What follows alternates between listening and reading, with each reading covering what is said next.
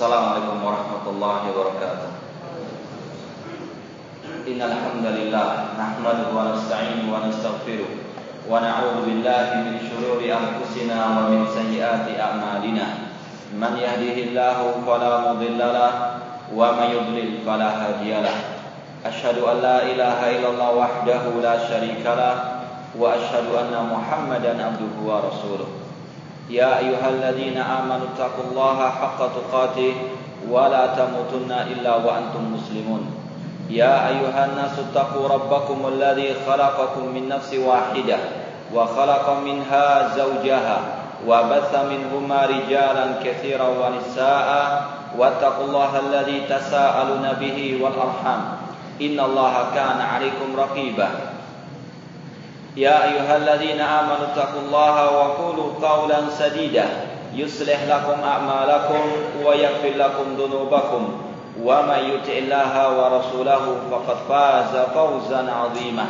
أما بعد فإن أصدق الحديث كتاب الله وخير الهدي هدي محمد صلى الله عليه وسلم. وشر الأمور محدثاتها وكل محدثة بدعة wa kulla bid'atin dhalalah wa kulla dhalalatin finnar. Ikhwani fillah wa akhwati rahimani wa rahimakumullah. Segala puji bagi Allah Subhanahu wa taala yang mempertemukan kita kembali dalam majelis yang mulia ini. Eh, meskipun seperti yang telah terjadi dahulu dengan sedikit gangguan suara yang ada pada diri saya, namun semoga hal ini masih bisa bermanfaat bagi kita semuanya. Ikhwani fillah wa akhwati rahimani wa rahmakumullah. Banyak orang membenci kemaksiatan-kemaksiatan seperti perzinahan, perjudian, minuman-minuman keras ataupun narkoba atau yang sejenisnya dari berbagai bentuk kemaksiatan. Namun banyak manusia yang lupa bahwasanya di sana ada sebuah kemaksiatan yang sangat besar yang sangat berbahaya bagi diri orang tersebut dan juga bagi al-Islam ataupun kaum muslimin. Itulah yang kita sering mendengarnya dengan istilah syirik kepada Allah Subhanahu wa taala.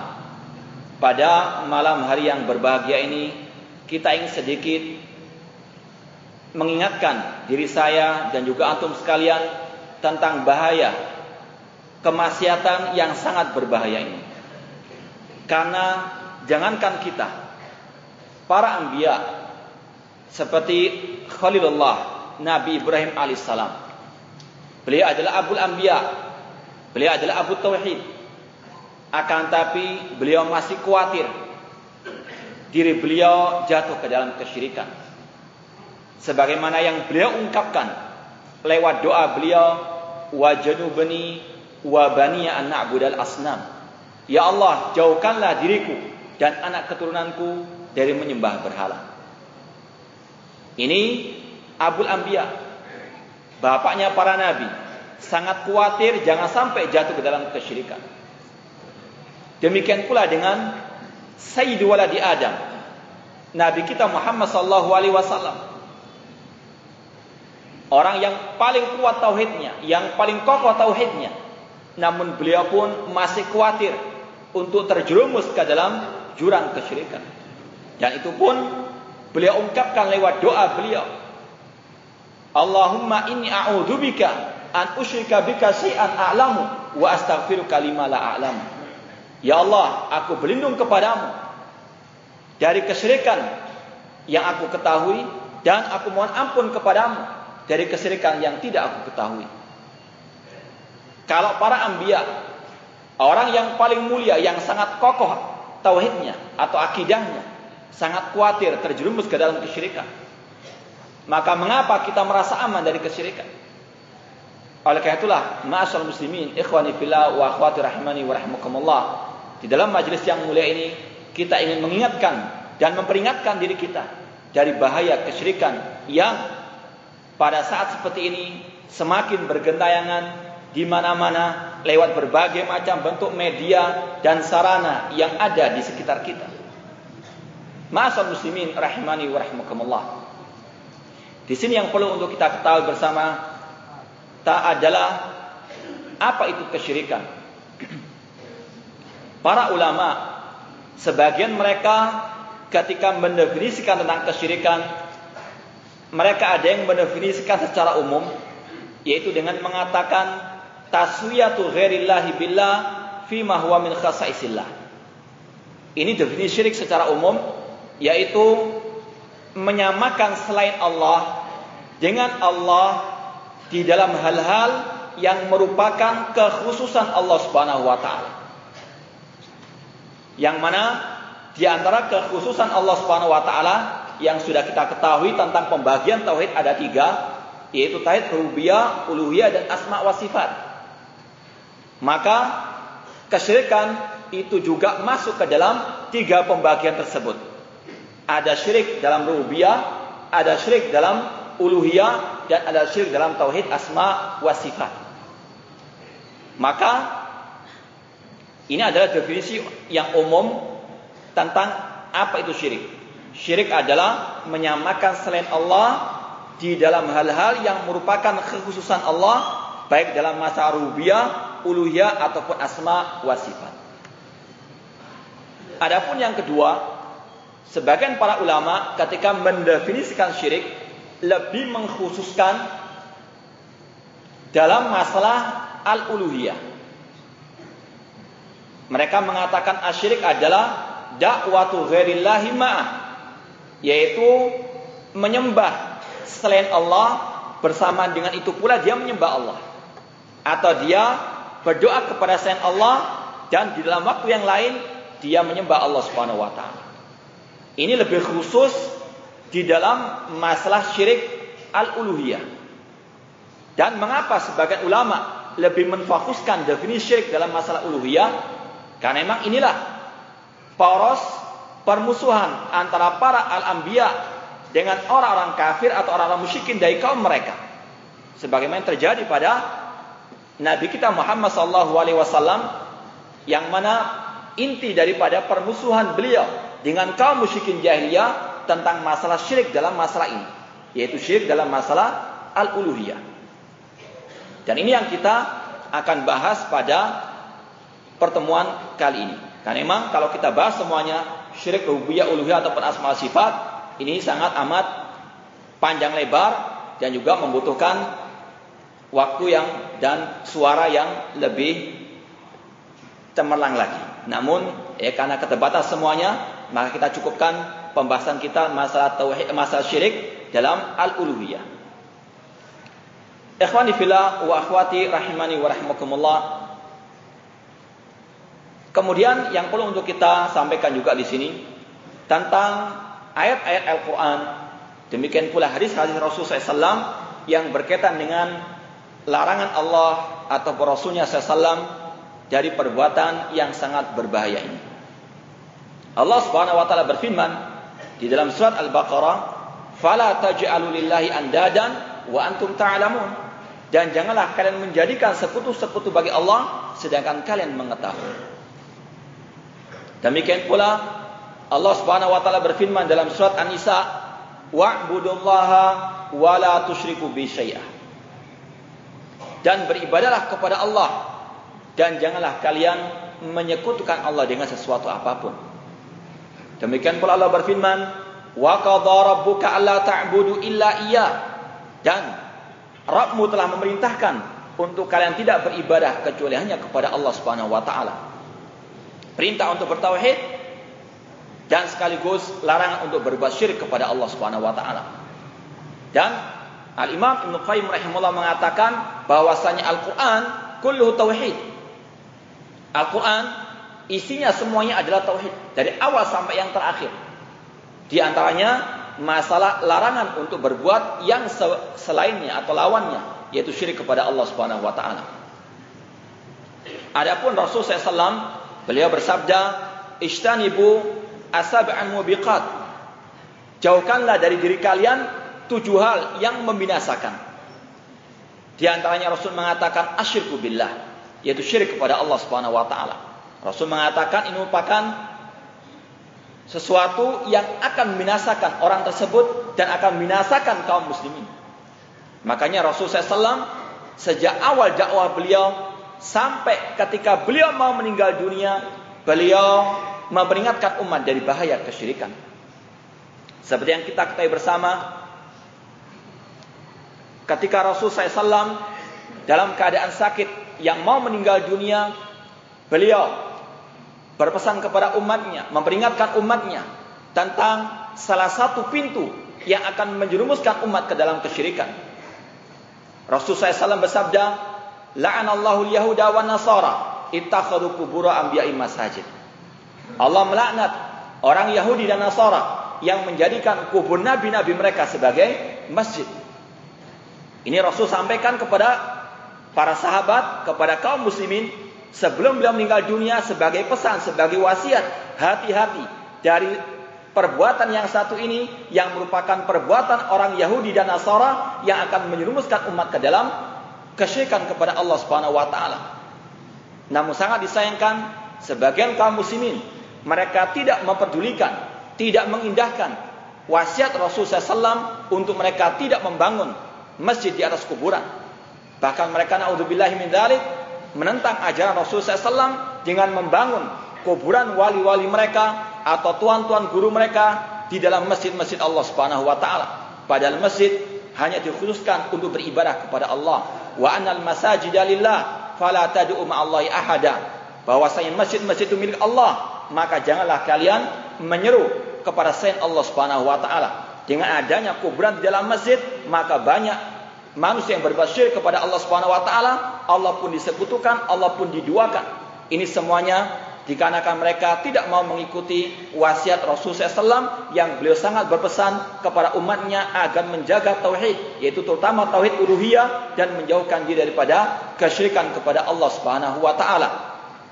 Kalau kita lihat kaum muslimin, mereka sangat benci kepada orang-orang Yahudi. Namun sangat disayangkan mereka dengan kebencian tersebut tidak menjauhkan diri dari perbuatan orang-orang Yahudi, bahkan mereka jatuh ke dalam hal-hal yang terjatuh ke dalamnya orang-orang al-Yahud.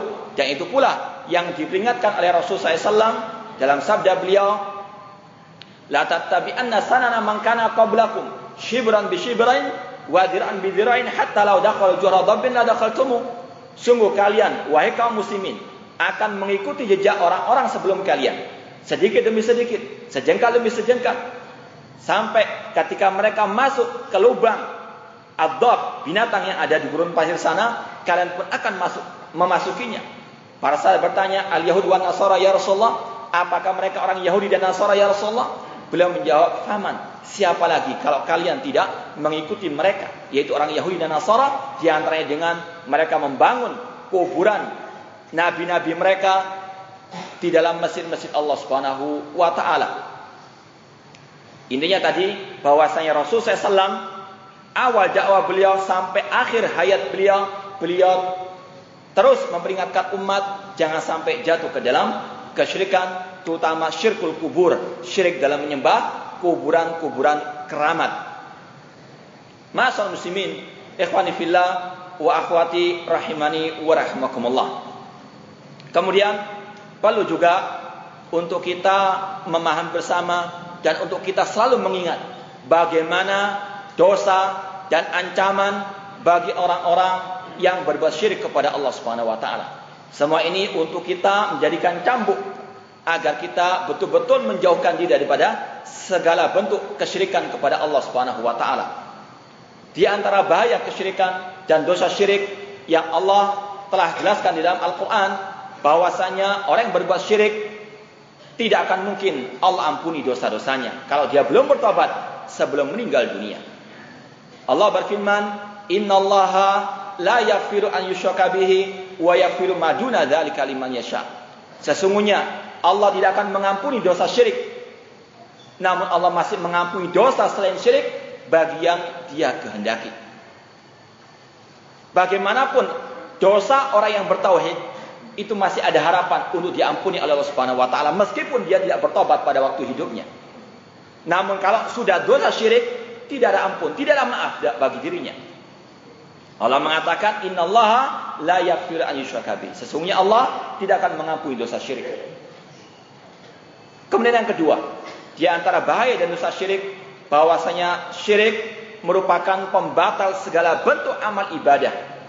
Tidak ada manfaatnya salat orang tersebut, tidak ada manfaatnya puasa orang tersebut, tidak ada pahala bagi haji orang tersebut kalau dia berbuat syirik kepada Allah dan belum bertobat pada waktu dia masih hidup. Allah Subhanahu wa taala berfirman, "Walau asyraku la habita anhum ma kanu ya'malun."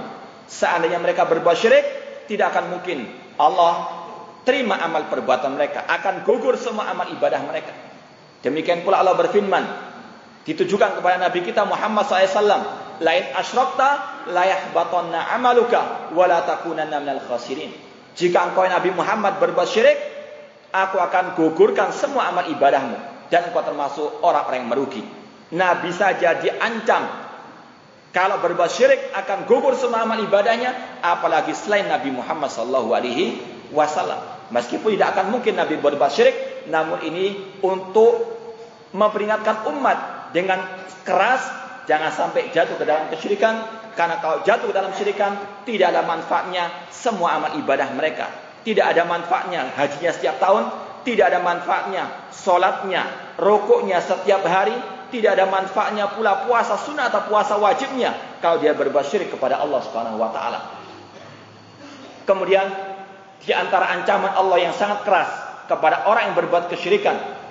Allah tidak akan mungkin memasukkan orang tersebut ke dalam surganya. Allah haramkan surga bagi orang yang berbuat kesyirikan.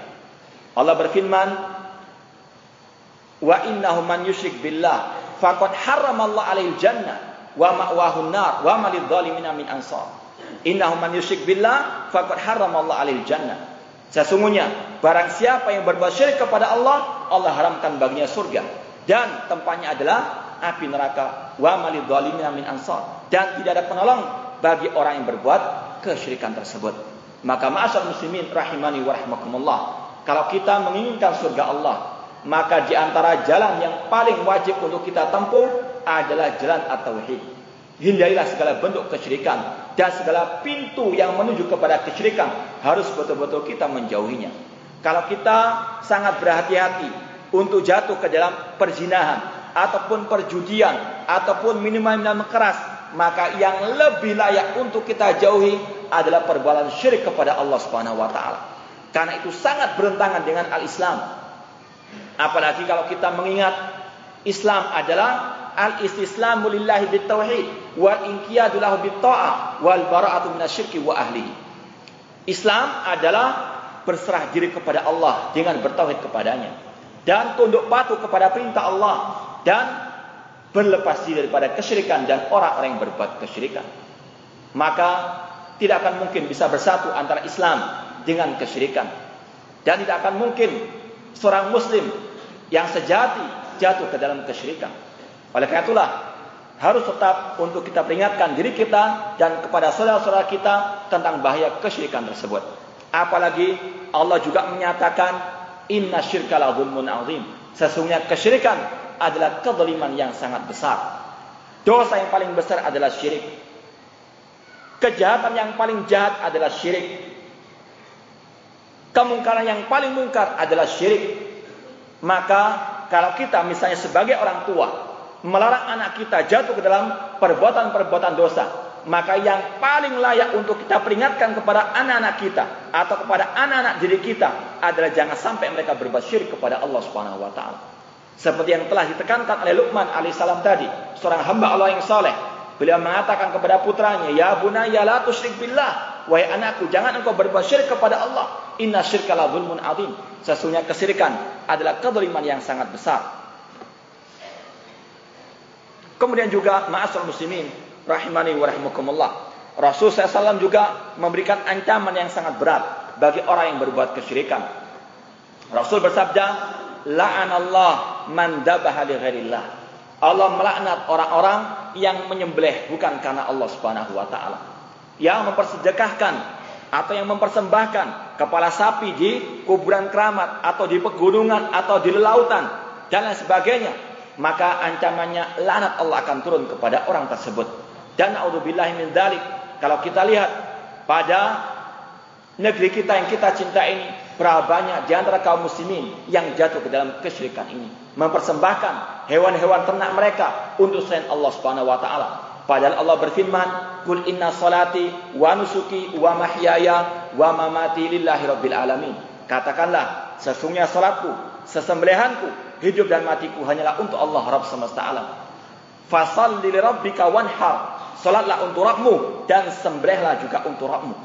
Namun inilah fakta yang ada di lapangan, fenomena yang sangat menyedihkan di mana sebagian saudara-saudara kita kaum muslimin masih ada yang berbuat kesyirikan dengan di antaranya menyembelih. Bukan karena Allah padahal Rasul SAW mengatakan tadi la'anallah man dzabaha li ghairillah.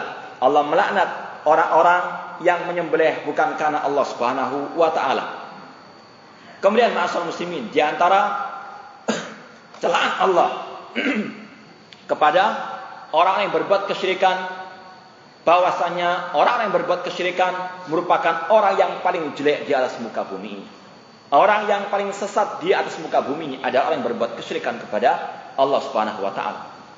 Allah Subhanahu wa taala berfirman di dalam surat Al-Bayyinah, "Innal ladina kafaru min ahli kitabi wal musyrikina fi nari jahannama khalidina fiha ulaika hum syarrul bariyah."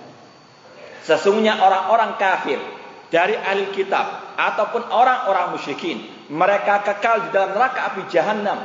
Ini di hari kiamat kelak. Dan di dunia mereka adalah ulaika hum syarrul bariyah. Mereka adalah orang yang paling jelek di atas muka bumi ini. Meskipun rupa mereka tampan, namun di sisi Allah mereka adalah orang yang paling jelek di atas muka bumi ini. Demikian pula, naudzubillah min dalik, mereka kekal di dalam api neraka jahanam, tidak akan mungkin mereka keluar dari neraka tersebut selama-lamanya. Kemudian, ma'asal muslimin rahimani wa rahimakumullah. Ini definisi ancaman Allah Subhanahu wa taala dan dosa yang Allah sediakan bagi orang yang berbuat kesyirikan.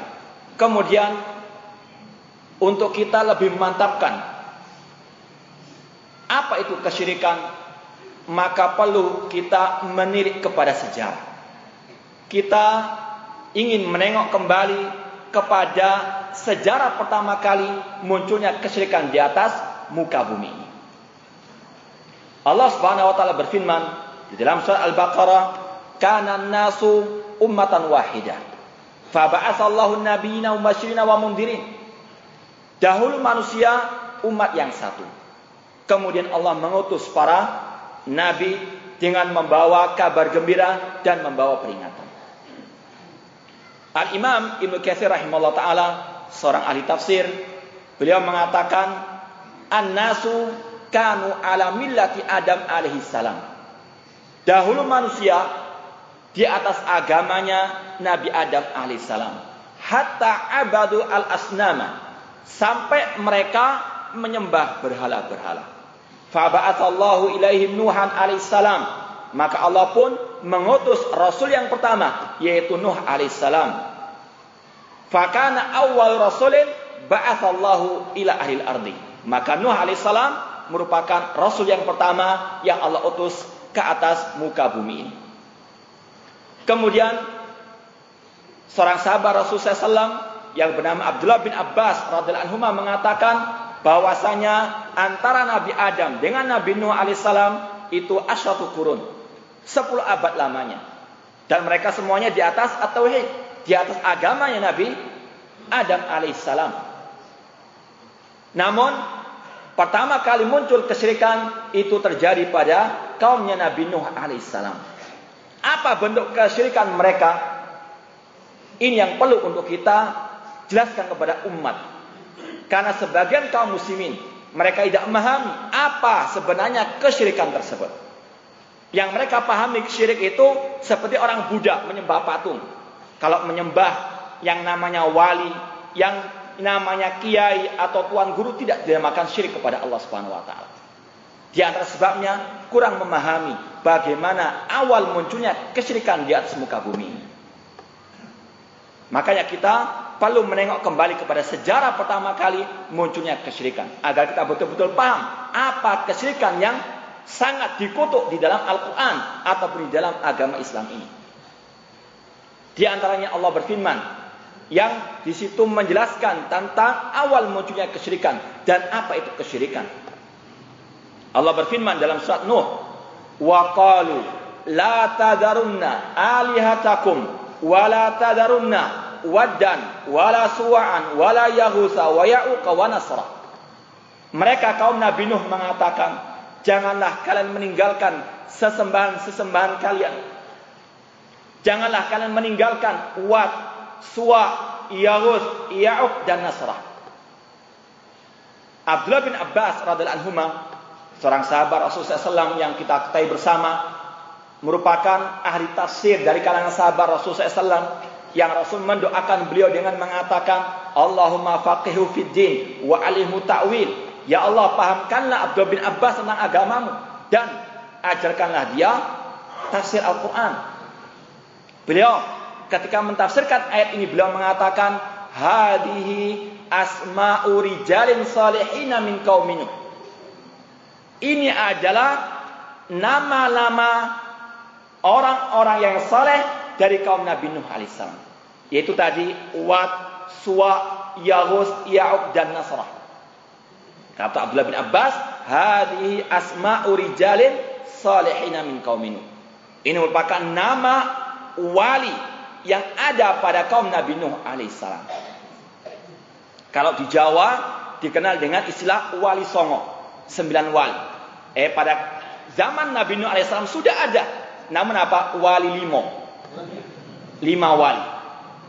Namun karena perkembangan zaman berkembang juga ya nominalnya. Bahkan sekarang juga di Jawa ada istilah wali sepuluh. Ya. Itulah kesyirikan yang terus akan bergentayangan seperti yang akan kita sampaikan nanti dari sabda Rasulullah SAW.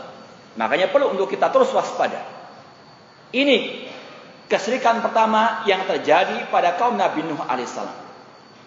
Kita ulangi lagi Abdul bin Abbas ketika mentafsirkan firman Allah wa qalu la tadarunna alihatakum wa la tadarunna waddan wa la suwa'an wa la yaghutsa wa wa nasra.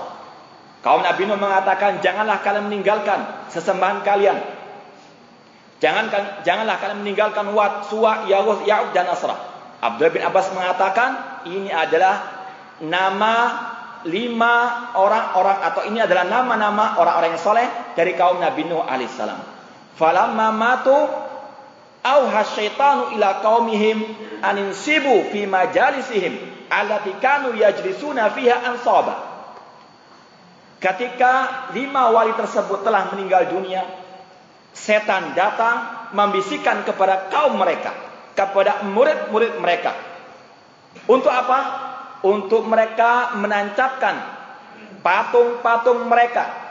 Untuk menancapkan atau menempelkan gambar-gambar mereka. Di majlis-majlis mereka. Di tempat mereka berkumpul dahulu.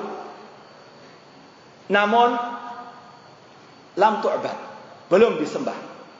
Masih sekedar untuk mengenang jasa-jasa mereka untuk memotivasi diri mereka beribadah sebagaimana ibadahnya lima wali tersebut. Ini kelicikan asyaitan. Bahwasanya mereka tidak langsung memerintahkan untuk berbuat syirik kepada Allah Subhanahu wa taala. Namun digiring manusia terlebih dahulu untuk masuk ke dalam jerat mereka untuk masuk ke dalam jaring kesyirikan yang mereka telah tebarkan. Dan ini pula yang juga disabdakan oleh Rasulullah SAW Rasul mengatakan dalam hadits kursi Allah berfirman, "Inni khalaqtu ibadi hunafa fashtadathum syayatin." Aku kata Allah menciptakan hamba-hambaku dalam keadaan bertauhid. Hunafa lurus dalam keadaan bertauhid namun syaitanlah yang menjerumuskan kepada kesyirikan atau mengeluarkan mereka daripada at-tauhid. Seperti dalam kisah kaum Nabi Nuh ini. Pertama kali ketika lima wali tersebut meninggal dunia Syaitan datang kepada murid-murid mereka, kepada kaum-kaum mereka untuk membuat kenang-kenangan. Dibuat patung, dibuat gambar-gambar. Kemudian masih belum disembah. Hatta idha halaku wa ilmu ubidan. sampai generasi pertama itu telah meninggal dunia, datang generasi berikutnya, maka setan datang lagi kepada mereka dan ketika itu ilmu agama telah dilupakan, ilmu akidah telah dilupakan, ilmu tauhid telah dilupakan, maka mereka pun menyembah wali-wali tersebut. Di dalam riwayat lain dikatakan bahwasanya setan membisikkan, mewahyukan kepada pengikut tersebut bahwasanya orang-orang tua mereka dahulu apabila ditimpa kekeringan, ditimpa kemarau panjang, mereka minta kepada wali-wali yang telah mati tersebut. Inilah ma'asal muslimin rahimani wa rahimakumullah yang harus kita pahami bersama. Ini merupakan awal sejarah kesyirikan yang muncul di atas muka bumi. Apa sebabnya? Al-ghulu fis salihin.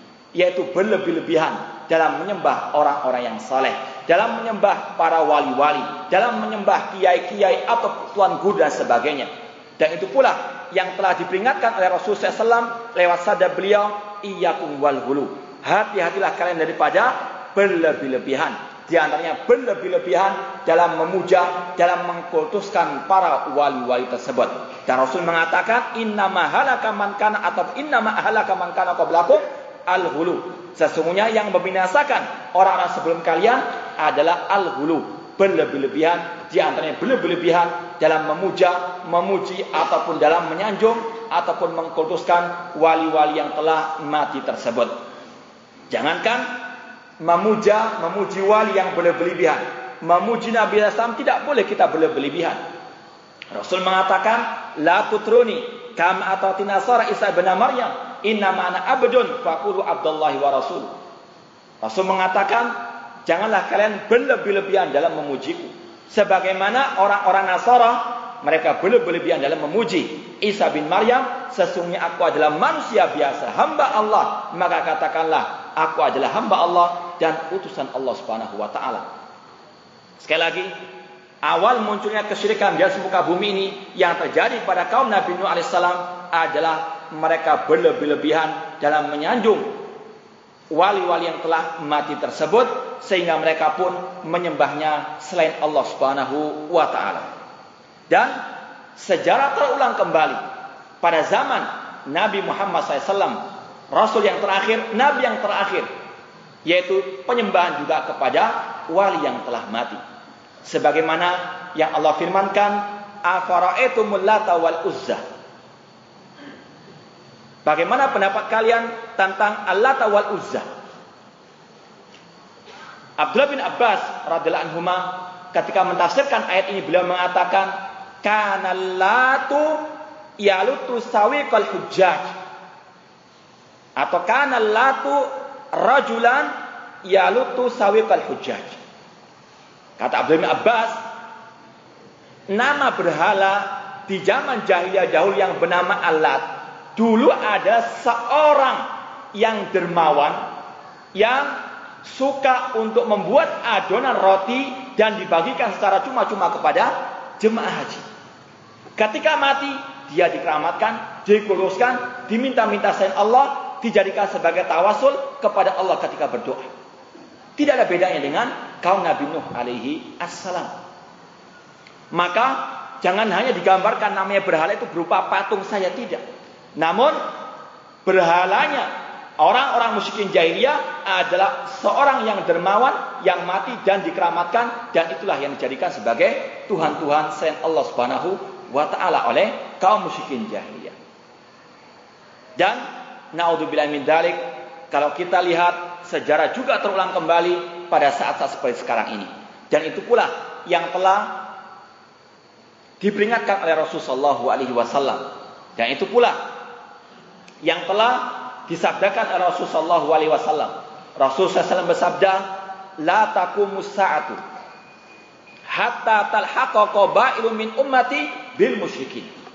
Tidak akan tegak hari kiamat sampai kabilah-kabilah dari umatku akan mengikuti jejak orang-orang musyrikin. Wa hatta ta'buda qabailu min ummatil al-ausan. Sampai umatku atau tidak akan tegak hari kiamat sampai umatku akan menyembah berhala-berhala. Dan sungguh benar sabda Rasulullah SAW tersebut. Kalau kita lihat kejadian yang pernah terjadi pada kaum Nabi Nuh alaihissalam, yang pernah terjadi pada kaum musyrikin jahiliyah juga terjadi pada saat sekarang. Bahkan lebih parah dibandingkan dengan kesyirikan pada zaman jahiliyah tersebut. Kalau kita lihat berapa banyak wali-wali yang disembah selain Allah Subhanahu wa taala ataupun juga mereka menyembah Nabi sallallahu alaihi wasallam. Kalau kita lihat contohnya sangat amat banyak sekali.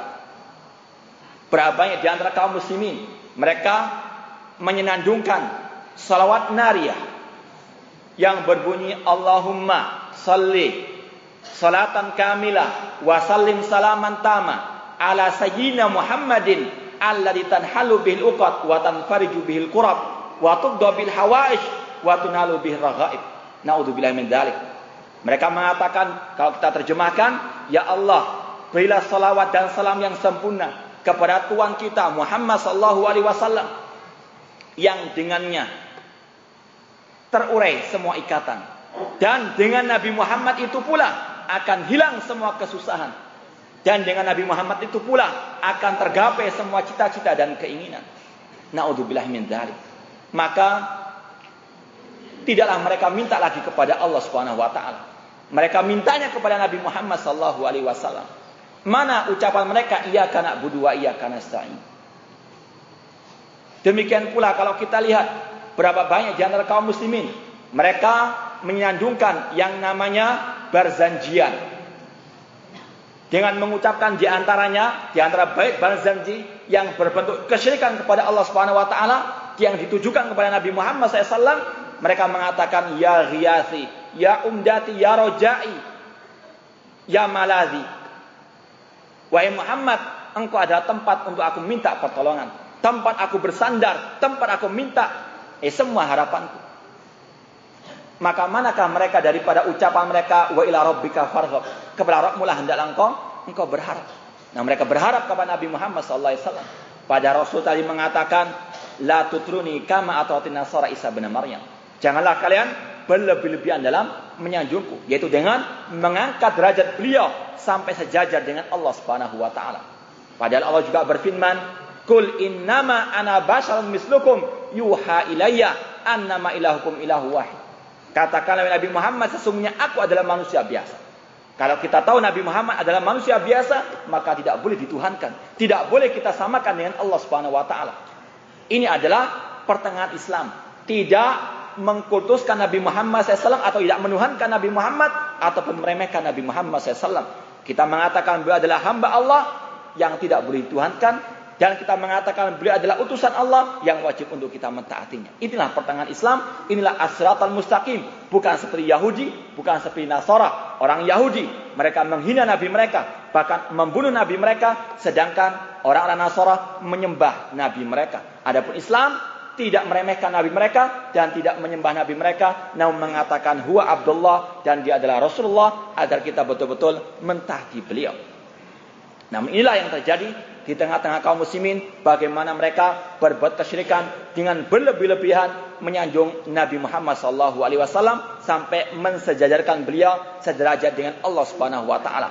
Demikian pula kalau mungkin kita pernah mendengar istilah qasidah burda yang di antara ucapannya dikatakan ya akramal khalqi maliman aludu bisiwaka indah hululil hadisil amami. Wahai Muhammad, makhluk yang paling mulia, tidak ada tempat untuk aku berlindung ketika musibah datang kecuali kepadamu. Mana ucapan kul a'udzu birabbil falaq, kul a'udzu birabbin nas? Disejajarkan Nabi Muhammad dengan Allah Subhanahu wa taala. Tidak cukup hanya itu saja. Kalau tadi syirik dalam masalah tauhid al-uluhiyah. Ditambah lagi dengan ucapan mereka. Wa min judika dunya wa darrataha wa min ulumika ilmu lahi wal qalam. Kata mereka, di antara kedermawananmu Nabi Muhammad adanya dunia dan akhirat ini. Kata mereka, dunia dan akhirat itu karena kedermawanan Nabi Muhammad sallallahu alaihi wasallam. Padahal Allah mengatakan wa innalana lal akhirata wal ula. Sesungguhnya kamilah yang memiliki dunia dan akhirat. Namun mereka mengatakan dunia akhirat itu milik Nabi Muhammad sallallahu alaihi wasallam. Syirik dalam masa tauhid ar-rububiyah. Ditambah lagi biar lebih lengkap kesyirikan mereka ya. Tadi yang pertama syirik uluhiyah. Meminta perlindungan kepada Nabi Muhammad SAW. Yang kedua tadi mengatakan dunia dan akhirat milik Nabi Muhammad SAW. Syirik dalam uluhiyah. Mereka tidak mau ya setengah-setengah kesyirikannya. Ditambah lagi syirik dalam masalah asma wa sifat dengan mengatakan wa min ulumika ilmu lauhi wal qalam. Di antara ilmu wa ilmu Muhammad ilmu lauhi wal qalam. Ilmu di dalam lahul mahfud. Kata mereka, Rasul tahu hal-hal yang gaib. Padahal Allah mengatakan, Kul la ya'lam man fis samawati wal ardil ghaiba ilallah. Katakanlah, tidak ada yang tahu yang gaib di langit maupun di bumi kecuali Allah Subhanahu wa taala. Namun mereka mengatakan Nabi Muhammad juga tahu. Maka lengkaplah kesyirikan mereka. Syirik dalam uluhiyah, rububiyah dan asma wa sifat dan ini merupakan salah satu dalil bahwasanya kesyirikan di tengah-tengah kaum muslimin lebih parah dibandingkan kesyirikan di zaman Nabi Nuh alaihissalam ataupun di zaman jahiliyah yang mereka tidak pernah menyekutukan Allah di dalam masalah tauhid ar-rububiyah. Sebagaimana ketika Allah mengatakan wal insa'atahum man khalaqas samawati wal arda la Allah. Ketika engkau Nabi Muhammad bertanya kepada orang-orang musyrikin jahiliyah, siapa yang menciptakan langit dan bumi? Mereka serentak menjawab, Allah Subhanahu wa taala. Nah, mereka yang menyenandungkan qasidah burda, mereka mengatakan dunia dan akhirat, langit dan bumi milik Nabi Muhammad sallallahu alaihi wasallam. Kemudian sebagai penutup saya berikan contoh juga kalau tadi kesyirikan dalam menyanjung Nabi Muhammad wasallam. Yang akan kita sampaikan di sini adalah bagaimana kesyirikan mereka dalam mengkultuskan wali-wali mereka. Seperti yang terjadi pada zaman Nabi Nuh alaihissalam. Di sini ada beberapa bait bait puisi yang ini ditulis oleh sebagian saudara kita di Jawa sana yang mana tulisan-tulisan bait syair ini tertulis dalam sebuah prasasti di dalam kubah kuburan. Jadi ada sebuah kuburan yang merupakan kuburan seorang wali kata mereka yang ada kubahnya, kemudian di situ ada prasasti dan tertulis bait-bait puisi seperti ini. Saya bacakan, ini semuanya arah tushar lali syar. Kita mengetahui yang jelek bukan untuk kejelekan, akan tapi untuk kita menjauhkan diri dari kejelekan tersebut. Ini menunjukkan bahwasanya kesyirikan tetap bergentayangan tengah-tengah kaum muslimin. Bait puisi tersebut mengatakan, Salam Allah ya sada. Keselamatan bagimu wahai sada, wahai tuanku. Minar rahman yakhsyakum. Semoga rahmat Allah meliputi kalian. Ibadallah jinakum. Ini seolah-olah apa?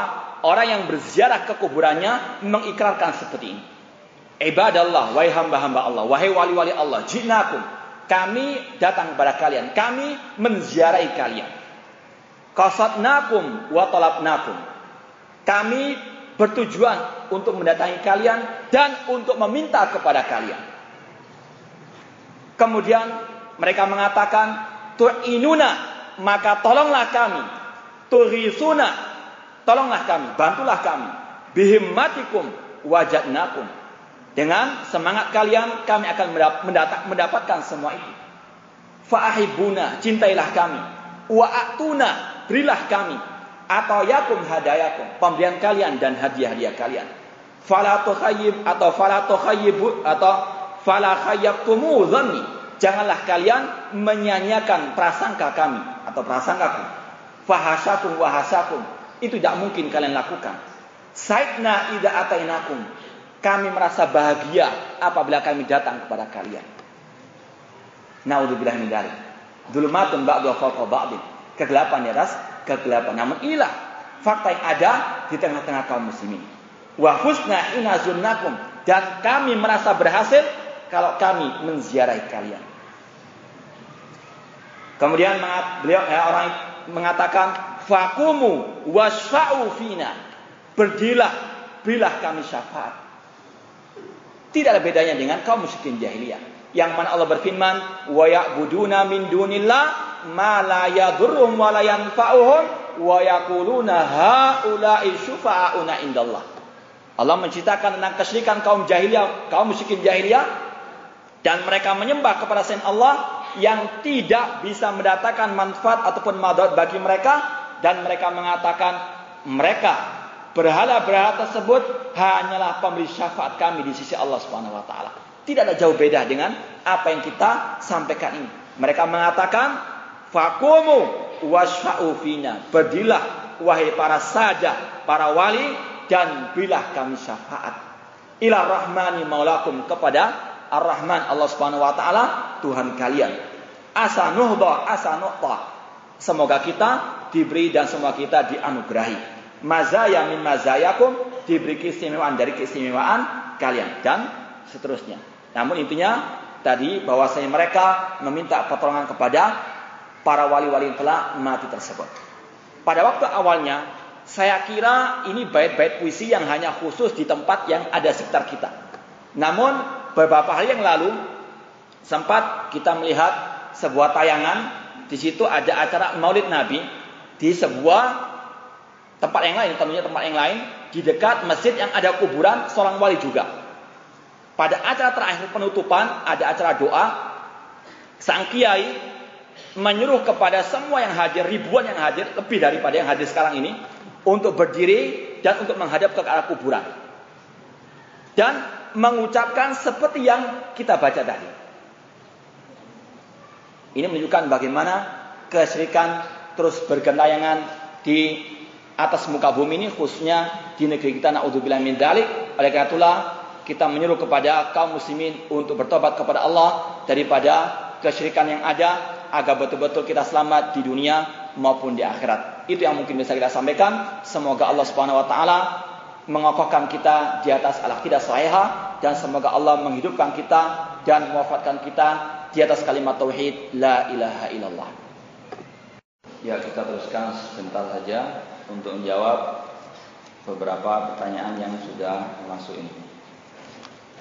Yang pertama, Allah membenci kesyirikan, tapi kenapa kesyirikan sangat merajalela di muka bumi ini? Yang pertama, harus kita mengetahui bahwasanya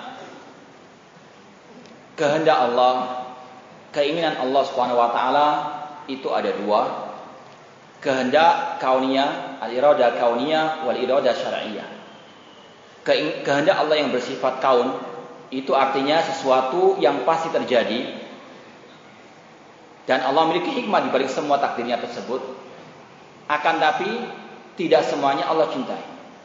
Seperti Allah menciptakan iblis, ini merupakan kehendak Allah al-kauni. Yang mana itu pasti terjadi dan telah terjadi, namun Allah tidak cinta kepadanya. Demikian pula Allah menciptakan kemaksiatan, menciptakan kesyirikan, kekufuran, kebid'ahan, semua atas kehendak Allah Subhanahu wa taala. Itu pasti terjadi. Akan tapi tidak mesti Allah cintai dan tidak akan Allah cintai. Wala bi ibadil kufra. Dan Allah tidak ridha kepada kekufuran bagi hamba-hambanya. Adapun yang kedua kehendak Allah yang syar'i yaitu kehendak Allah yang tidak pasti terjadi, tidak mesti terjadi, namun kalau terjadi pasti Allah cintai. Contoh misalnya Allah menghendaki adanya orang yang beriman. Ketika adanya orang beriman, Allah pun mencintai mereka. Maka harus kita pahami bersama bahwasanya semua itu adalah ciptaan dari Allah, takdir dari Allah Subhanahu wa taala dan Allah memiliki hikmah di balik semua takdirnya tersebut. Terkadang orang bisa mengetahui hikmah tersebut ataukah terkadang tidak mengetahuinya. Adapun di antara hikmah Allah menciptakan kesyirikan dan orang-orang musyrikin. Di antara hikmahnya yang pertama sebagaimana yang diucapkan oleh Al-Imam Ibnu Qayyim rahimahullah ketika menjelaskan tentang hikmah diciptakannya iblis bahwasanya dengan adanya iblis itu banyak hikmahnya, banyak manfaatnya dibandingkan dengan tidak adanya iblis. Eh meskipun mungkin secara nalar kita kok bisa begitu, namun inilah yang wajib untuk kita imani bahwasanya semua takdir Allah pasti memiliki hikmah. Alimaha man alimaha wa jahilah man. Ada yang mengetahui, ada yang tidak mengetahui. Namun harus diyakini, semua takdir Allah pasti ada hikmahnya. Karena Allah memiliki nama Al-Hakim. Inallah alimun hakim. Di antara man al-hakim kata para ulama yaitu dia tidak mentakdirkan sesuatu kecuali ada hikmah di baliknya. Di antara hikmah di balik penciptaan iblis kata Imam Muqayyim rahimahullah dengan kalau tidak ada iblis tidak ada kekafiran. Jika tidak ada kekafiran, tidak ada orang kafir, tidak ada jihad di jalan Allah Subhanahu wa taala. Padahal Allah cinta kepada orang-orang yang ber, berjihad. Jika tidak ada iblis, tidak ada kemaksiatan. Kalau tidak ada kemaksiatan, tidak ada orang yang bertobat. Padahal Allah, innallaha yuhibbut tawwabina wa yuhibbul mutatahhirin. Sesungguhnya Allah cinta kepada orang yang bertobat dan yang suka mensucikan dirinya. Dan masih banyak lagi hikmah yang lainnya. Demikian pula dengan adanya kesyirikan di atas muka bumi ini, banyak hikmah yang bisa kita bisa kita petik. Yang pertama, Allah Subhanahu wa taala ingin untuk menguji kita. Apakah dengan bergentayangannya kesyirikan ini kita masih bisa istiqomah di atas tauhid ataukah tidak? Sebagaimana Allah berfirman, Alif Lam Mim ahasiban nasu an yutraku ayakulu amanna wa hum la yuftanun? Apakah manusia mengira mereka dibiarkan begitu saja mengatakan kami beriman sedangkan mereka tidak diuji? Pasti akan ada ujian. Di antara ujiannya apa? Banyaknya kesyirikan di atas muka bumi ini. Maka dengan adanya kesyirikan itu Allah akan mengetahui mana yang tetap istiqamah di atas jalannya, di atas tauhid dan mana yang ikut bergabung dengan orang-orang al-musyrikin. Demikian pula di antara hikmah banyaknya kesyirikan di muka bumi ini agar terus kita mawas diri, agar kita terus introspeksi diri, agar kita terus memacu diri kita, memotivasi diri kita untuk menjaga, membentengi diri kita dari kesyirikan tersebut. Di antaranya dengan apa? Kita duduk belajar ilmu agama. Ini di antara apa? Hikmah adanya kesyirikan. Kalau mungkin nggak ada kesyirikan, semua orang akan apa? Malas belajar. Karena apa? Buat apa nggak ada kesyirikan? Nggak ada apa-apa. Demikian pula dengan adanya orang-orang musyrikin, dengan adanya al bid'ah, kita akan termotivasi untuk terus belajar, untuk membentengi diri kita dari racun-racun mereka dan sekaligus untuk membantah mereka. Banyak hikmah sebetulnya dari semua yang Allah ciptakan. Mungkin terkadang kita hanya bisa mengetahui sebaik, seba, sebagiannya dan itu juga merupakan dalil akan ada sebagian yang yang lainnya. Intinya sekali lagi di antara hikmah yang bisa kita lihat dari banyak kesyirikan untuk kita mawas diri dan untuk kita betul-betul memotivasi diri kita, kita untuk istiqomah di atas jalan Allah Subhanahu wa taala. Oleh karena itulah Allah berfirman, "Wala tamutunna illa wa antum muslimun. Yang kedua, apakah para wali songo mengajarkan atau menyebarkan agama Islam yang benar berdasarkan Al-Quran dan Sunnah? Wallahu a'lam.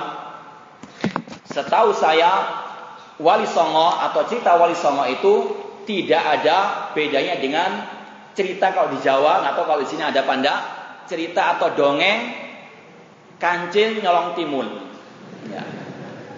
Artinya apa? Tidak ada bukti yang otentik tentang bagaimana kisah mereka yang sebenarnya. Kalau ulama-ulama terdahulu ada buktinya berupa buku-buku mereka. Namun mana buku-bukunya wali songo? Tidak ada kila wakol, isu ataupun gosip begitu saja. Bahkan kalau kita lihat Dulu waktu kita masih kecil sering lihat film Wali Songo. Eh di situ diceritakan bagaimana Sunan Kalijogo bertapa apa di pinggir kali sampai eh berhari-hari sampai apa? Lumutan eh sampai berlumut. Ya. Nggak tahu sholat jamaahnya di mana. Apakah sah atau enggak nggak tahu. Ya. namun bertapa. Namun ya semuanya apa? Sekedar dongeng saja. Tidak ada bukti otentik bagaimana sejarah yang yang sebenarnya tentang dakwah mereka. Meskipun apa? Kita hanya mengetahui asar bekas daripada ajaran mereka. Kalau, di, kalau ini pun benar, ini pun apa menunjukkan tentang ketidakistiqomahan mereka di atas Al-Quran dan Sunnah Rasulullah SAW. Kalau memang yang disebarkan itu ben, ya, yang benar, ya, seperti mereka berdakwah lewat wayang dan sebagainya, ini jelas-jelas dakwah yang batil, dakwah yang tidak sesuai dengan ajaran Al-Quran maupun Sunnah Rasulullah Alaihi Wasallam. Namun saya, saya tekankan lagi, ini merupakan kabar berita Ini merupakan dongeng cerita yang tidak ada bukti otentik yang tidak bisa kita benarkan 100%, yang tidak bisa kita dustakan 100%, bisa bisa jadi benar, bisa jadi salah. Namun intinya semuanya kita kembalikan kepada Al-Quran dan Sunnah Rasulullah SAW untuk menimbang seandainya ada bukti yang otentik tentang bagaimana dakwah mereka yang sebenarnya. Karena dalam Islam, sebagaimana kata Abdullah bin Mubarak rahimahullah, al-isnadu minad din. Periwayatan itu termasuk daripada agama. Laulal isnadu laqala man sya'a Seandainya tidak ada periwayatan, tidak ada bukti yang otentik, maka setiap orang apa? akan ngomong yang seenaknya. Ya, seperti tadi. Bagaimana apa? Sunan Kalijogo bertapa di pinggir kali sampai lumutan, nggak pernah sholat, ya. Karena memang kalau bergerak sedikit mungkin lumutnya sudah apa? Luntur. Cuma ini tidak. Dan seandainya dia bertapa di pinggir laut, namanya akan berubah Ya, bukan Sunan Kalijogo, Sunan apa? Laut Jogo.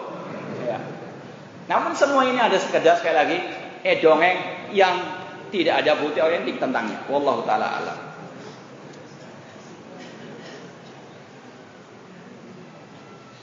Siapakah yang dinamakan orang-orang Majusi dan apakah mereka termasuk kelompok yang sesat? Apakah akidah mereka? Majusi bukan dari bagian kaum muslimin. Mereka adalah agama yang lain, agama musyrik atau agama syirik yang kepercayaan mereka meyakini adanya dua Tuhan, Tuhan kebaikan dan Tuhan kejelekan. Makanya Rasul mengatakan menyamakan kelompok Qadariyah dengan kelompok Majusi atau dengan agama Majusi. Al-Qadariyah itu majusu hadil ummah. Kelompok Qadariyah adalah majusinya umat ini karena kelompok Qadariyah mengatakan perbuatan baik itu ciptaan Allah, perbuatan jelek ciptaan manusia. Maka Rasul mengatakan mereka sama dengan kelompok Majusi karena sama-sama meyakini adanya dua Tuhan.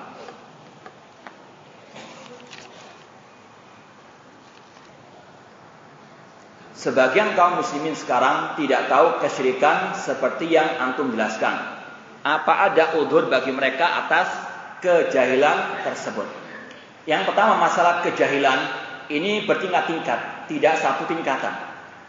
Ada orang yang jahil, namun dia masih mau menerima kebenaran. Nah, orang seperti ini, ketika dia meninggal dunia misalnya, belum sampai kepada dakwah yang hak.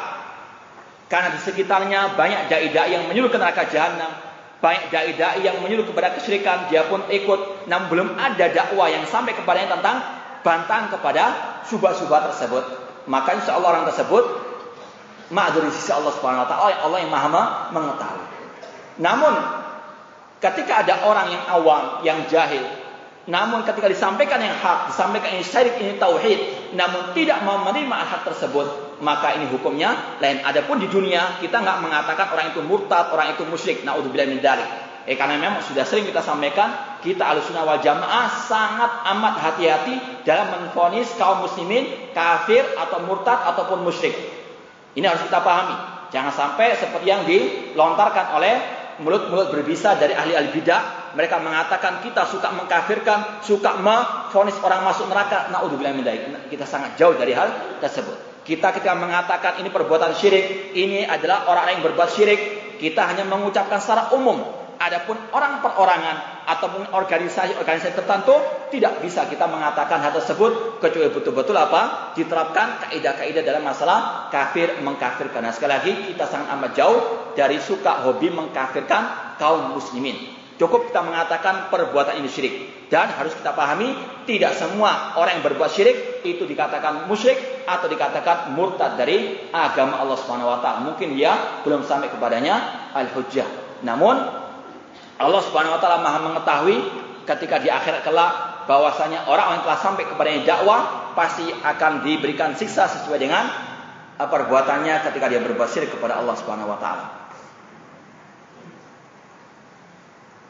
Apakah termasuk hulu berlebih-lebihan merayakan Maulid Nabi?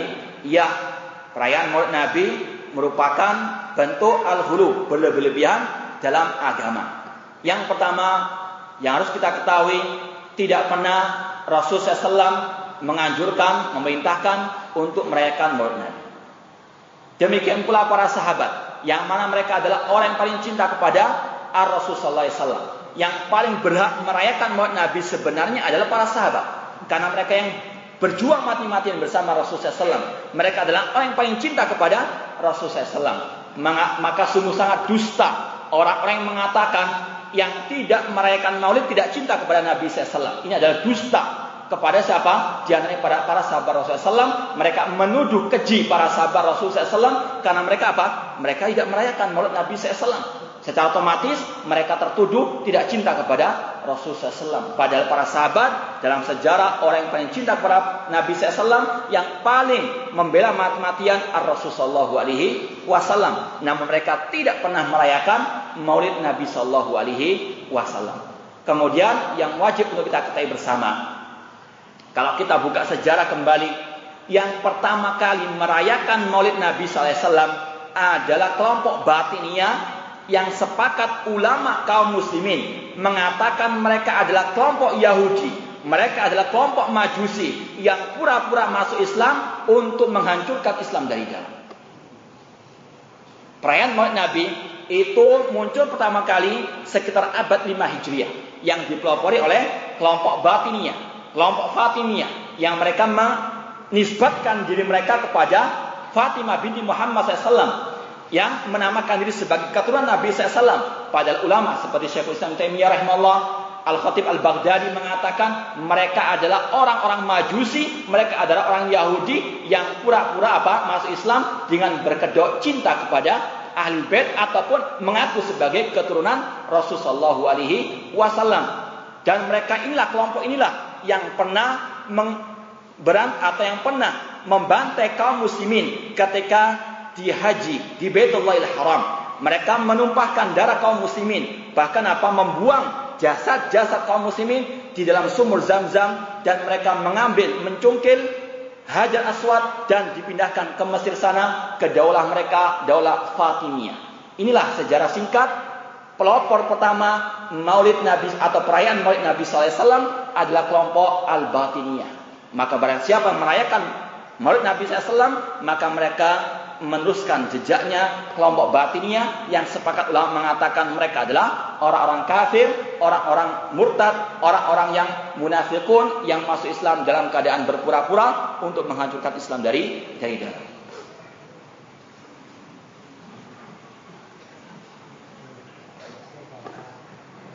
Apakah termasuk kesyirikan orang yang menanyakan arti mimpinya kepada ahli tafsir mimpi? Di sini Islam wasatun, pertengahan dalam segala hal. Di antaranya dalam masalah ini. Secara asal dibolehkan orang itu menanyakan kepada ahlinya, namun dengan syarat ahlinya. Orang yang bertakwa kepada Allah, orang yang berilmu, bukan orang yang khurafat, bukan orang alim bidah, bukan orang-orang al-musyrikin. Eh bahkan kalau kita lihat dalam Sahih Bukhari adalah bab tentang masalah apa? Masalah mimpi. Artinya ada dalam Islam. Cuma pada zaman sekarang ini banyak atau mungkin sebagian tempat yang lain muncul istilah poliklinik mimpi. Ya. Dengan itu dia apa bisa mengais rezeki. Ya, kembalinya apa? Pada masalah perut nantinya. Ya, karena amalan nasi bil batin, memakan harta manusia dengan dengan batin. Maka sekali lagi harus berhati-hati. Bukan kita melarang 100%, bukan kita membolehkan 100%, namun apa? Diletakkan pada tempatnya. Boleh orang menanyakan tentang mimpinya kepada yang ahlinya. Boleh. Namun kita harus tahu siapa ahlinya. Bukan orang musyrikin, bukan ahli bidah, bukan orang yang suka apa? Khurafat. Namun kepada ahlinya. Eh bahkan ulama-ulama al-sunnah ada yang mereka memang betul-betul mahir dalam masalah takbir mimpi. Seperti Muhammad bin Sirin, seorang ulama tabi'in. Demikian pula seperti pada saat sekarang di sini ada sebagai ulama al-sunnah yang menulis masalah apa? Kaidah-kaidah dalam masalah takbir mimpi. Ada Cuma sekali lagi apa? Harus tempatkan pada pada tempatnya. Bagaimana upaya kita menjaga diri kita agar terhindar dari kesyirikan? Yang pertama dengan kita banyak belajar tentang akidah yang sahihah. Akidah Al-Quran dan Sunnah Rasulullah SAW sesuai dengan pemahaman para sahabat. Kemudian yang kedua banyak berdoa kepada Allah. Seperti yang sudah kita sampaikan tadi, Nabi Ibrahim alaihissalam berdoa, wa junubani wa bani an asna Rasul SAW juga berdoa, Allahumma ini a'udzubika an usyrika bika syai'an a'lamu wa astaghfiruka lima la a'lamu. Demikian pula yang ketiga, dengan kita menjauhi segala bentuk syubhat-syubhat ataupun para dai-dai penyesat yang menyesatkan umat dari jalan Allah yang memerintahkan manusia untuk berbuat syirik kepada Allah Subhanahu wa taala. Ini yang mungkin bisa kita sampaikan pada pertemuan malam hari ini mudah-mudahan bermanfaat dan mohon maaf kalau ada hal-hal yang kurang berkenan. Semoga Allah Subhanahu wa taala menjadikan kita sebagai orang yang istiqomah di atas jalannya dan di atas sunnah Rasulullah SAW, di atas manhaj para sahabat Rasulullah SAW. Aku wa akhu da'wana alhamdulillahirabbil alamin. Wassalamualaikum warahmatullahi wabarakatuh.